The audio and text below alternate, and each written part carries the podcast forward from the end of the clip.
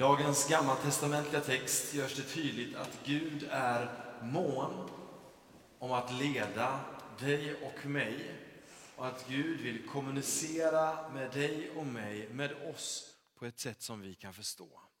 Det berättas hur det israelitiska folket vandrade i öknen och på natten när det var mörkt, då lyste en eldsflamma framför dem för att de skulle se vägen.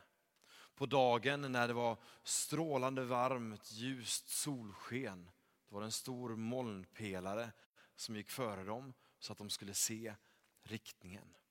Gud vill alltså leda dig och mig, kommunicera med dig och mig och är mån om att göra det på ett sätt som du och jag kan ta till oss, se framför oss och som betyder någonting för oss. Och så kommer vi då till dagens evangelietext. Där ger Jesus dig och mig, oss som församling och som kyrka, en guidning för hur vi ska leva. Vad det innebär att leva sitt liv med en Jesus-struktur. Han har alldeles precis innan tvättat lärjungarnas fötter och gett dem en konkret illustration för hur vi är kallade att leva. Han instiftade nattvarden, han utpekade förrädaren Jesus och bad, eller Judas såklart, var det ingen som reagerade? Eh, jo, ni reagerade. Ja. Eh, han utpekade förrädaren Judas och bad Judas lämna rummet. Och så började Jesus tala med de resterande lärjungarna eh, och ibland lite kryptiskt. Inför predikan så läste jag vidare i kapitlet som kommer och jag inser att vid många tillfällen så ställer lärjungarna olika frågor. Och vad innebär det här Jesus? Och Jesus svarar ungefär som de här datanördarna vi alla stött på. Med ett kryptiskt svar som att det är världens mest självklara sak i världen och så ställer han frågan, förstår ni inte detta? Kan vi se det framför oss? Och kanske är du en sån där dataperson och då ber jag om ursäkt för det. Eh, du är värdefull för oss alla, men ibland är det lite svårt att förstå. Och Jesus verkar agera på något sånt sätt. Det var svårt för lärjungarna att förstå. Men du och jag har ju facit nu efteråt. Så att vi kan tolka det Jesus säger i ett ljus av så många fler händelser. Jesus beskriver först att nu har Människosonen förhärligats. Människosonen var ett begrepp som inom judendomen användes på en av deras Messias förväntningar. Talet om en himmelsk människoson som skulle komma med makt och härlighet. Ett begrepp hämtat från Daniels bok. Och Jesus beskriver att nu, i och med detta, att han var på väg att förrådas, dö och sen uppstå. Så hade han förhärligats. Det visar någonting rätt intressant för oss om den här kärleksvägen som Jesus går och hur stort det är att vandra lidandets väg, tjänandets väg och storheten och förhärligandet som finns i det. Jesus, Gud själv, hade lämnat den himmelska härligheten för att vandra lidandets väg för din och min skull. Och så hintar då Jesus för sina lärjungar om att när han dött och när han uppstått så ska han lämna dem. Lärjungarna blir lite oroliga och han, Jesus säger att han lämnar för att en hjälpare ska komma till dem. Det är sånt som vi får läsa om i kapitlet därefter, Johannes 14. Men innan han kommer dit så säger han till lärjungarna, så här ska ni leva, älska varandra.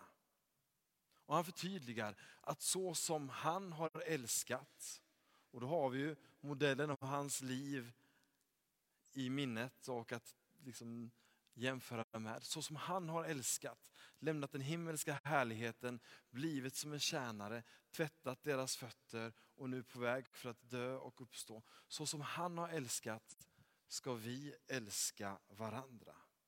Och så beskriver Jesus att när vi lever på det sättet, När du och jag älskar varandra med den kärleken, då kommer andra förstå att vi är hans lärjungar. Alltså kärleken till varandra är församlingens ID-kort. Kärleken till varandra är sättet som församlingen går att identifiera. Det är vår matchtröja, vår identitetsmarkör, vår identifikationssymbol. Hur vi älskar varandra. Jesus sa inte så här att när ni sjunger starkt kommer folk förstå att ni är mina lärjungar. Eller när ni lyckas ha superbra förklaringar på alla komplicerade teologiska frågor. Då kommer folk förstå att ni är mina lärjungar.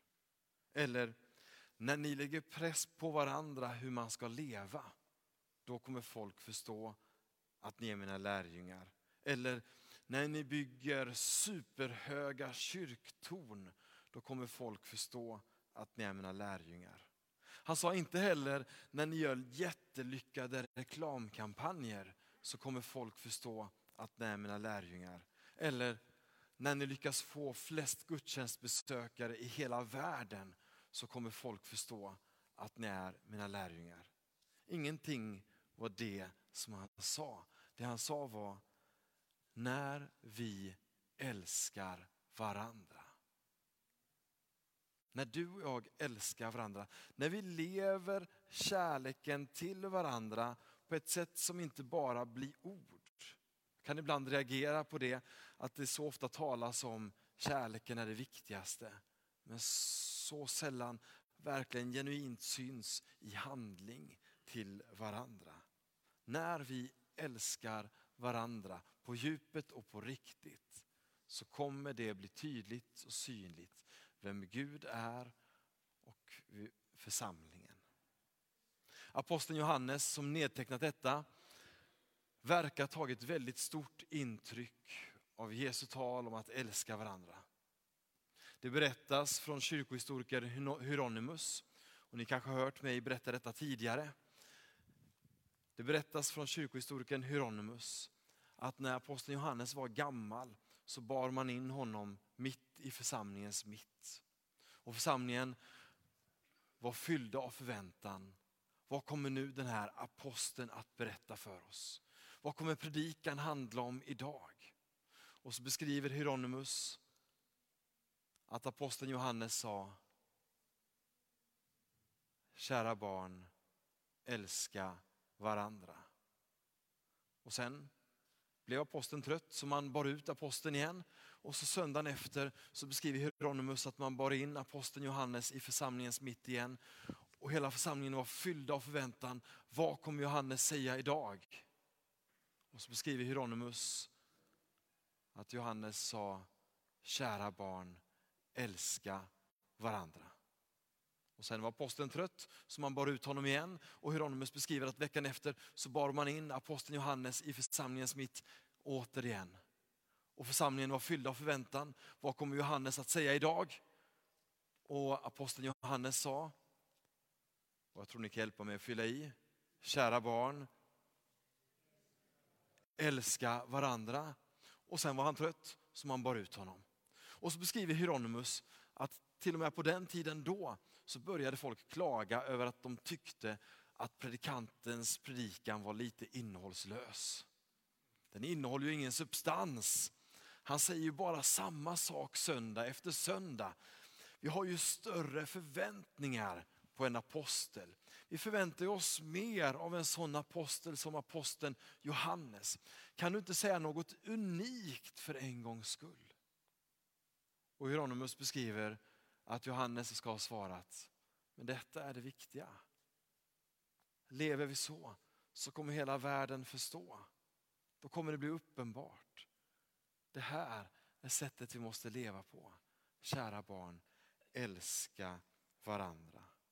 Det handlar alltså inte om att du och jag behöver ha snygga förklaringar till vår tro, snygga strategier. Det handlar om att vi behöver leva genuina liv där vi älskar varandra med den kärlek som vi fått ta emot av Jesus Kristus själv. Vid ett tillfälle skulle jag iväg och åka skidor. Jag letade efter mina skidglasögon. Jag började leta på ett ställe i garderoben och sen letade jag vidare. Jag brukar ofta packa rätt sent på nätterna. Så klockan kan ha varit två på natten och klockan sex på morgonen skulle jag åka. Så jag var ju tvungen att hitta de här skidglasögonen. Och jag drog ut låda efter låda, jag öppnade garderobsdörr efter garderobsdörr. Och till slut började grannen ovanför banka. Tydligen måste jag ha stängt någon dörr lite för hårt.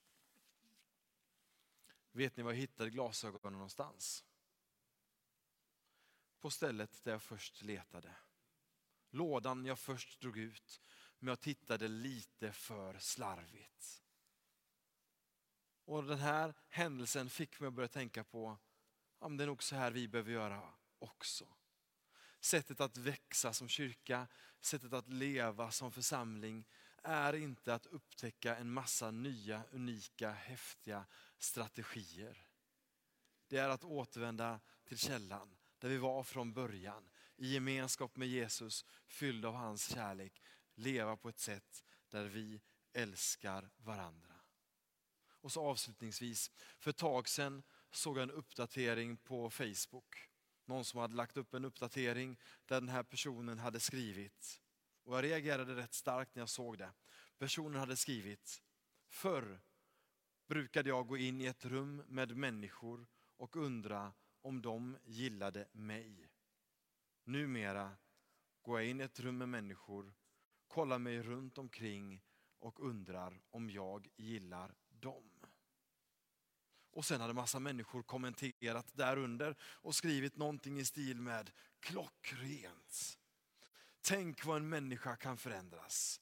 Heja dig, vilken bra utveckling, du är stark.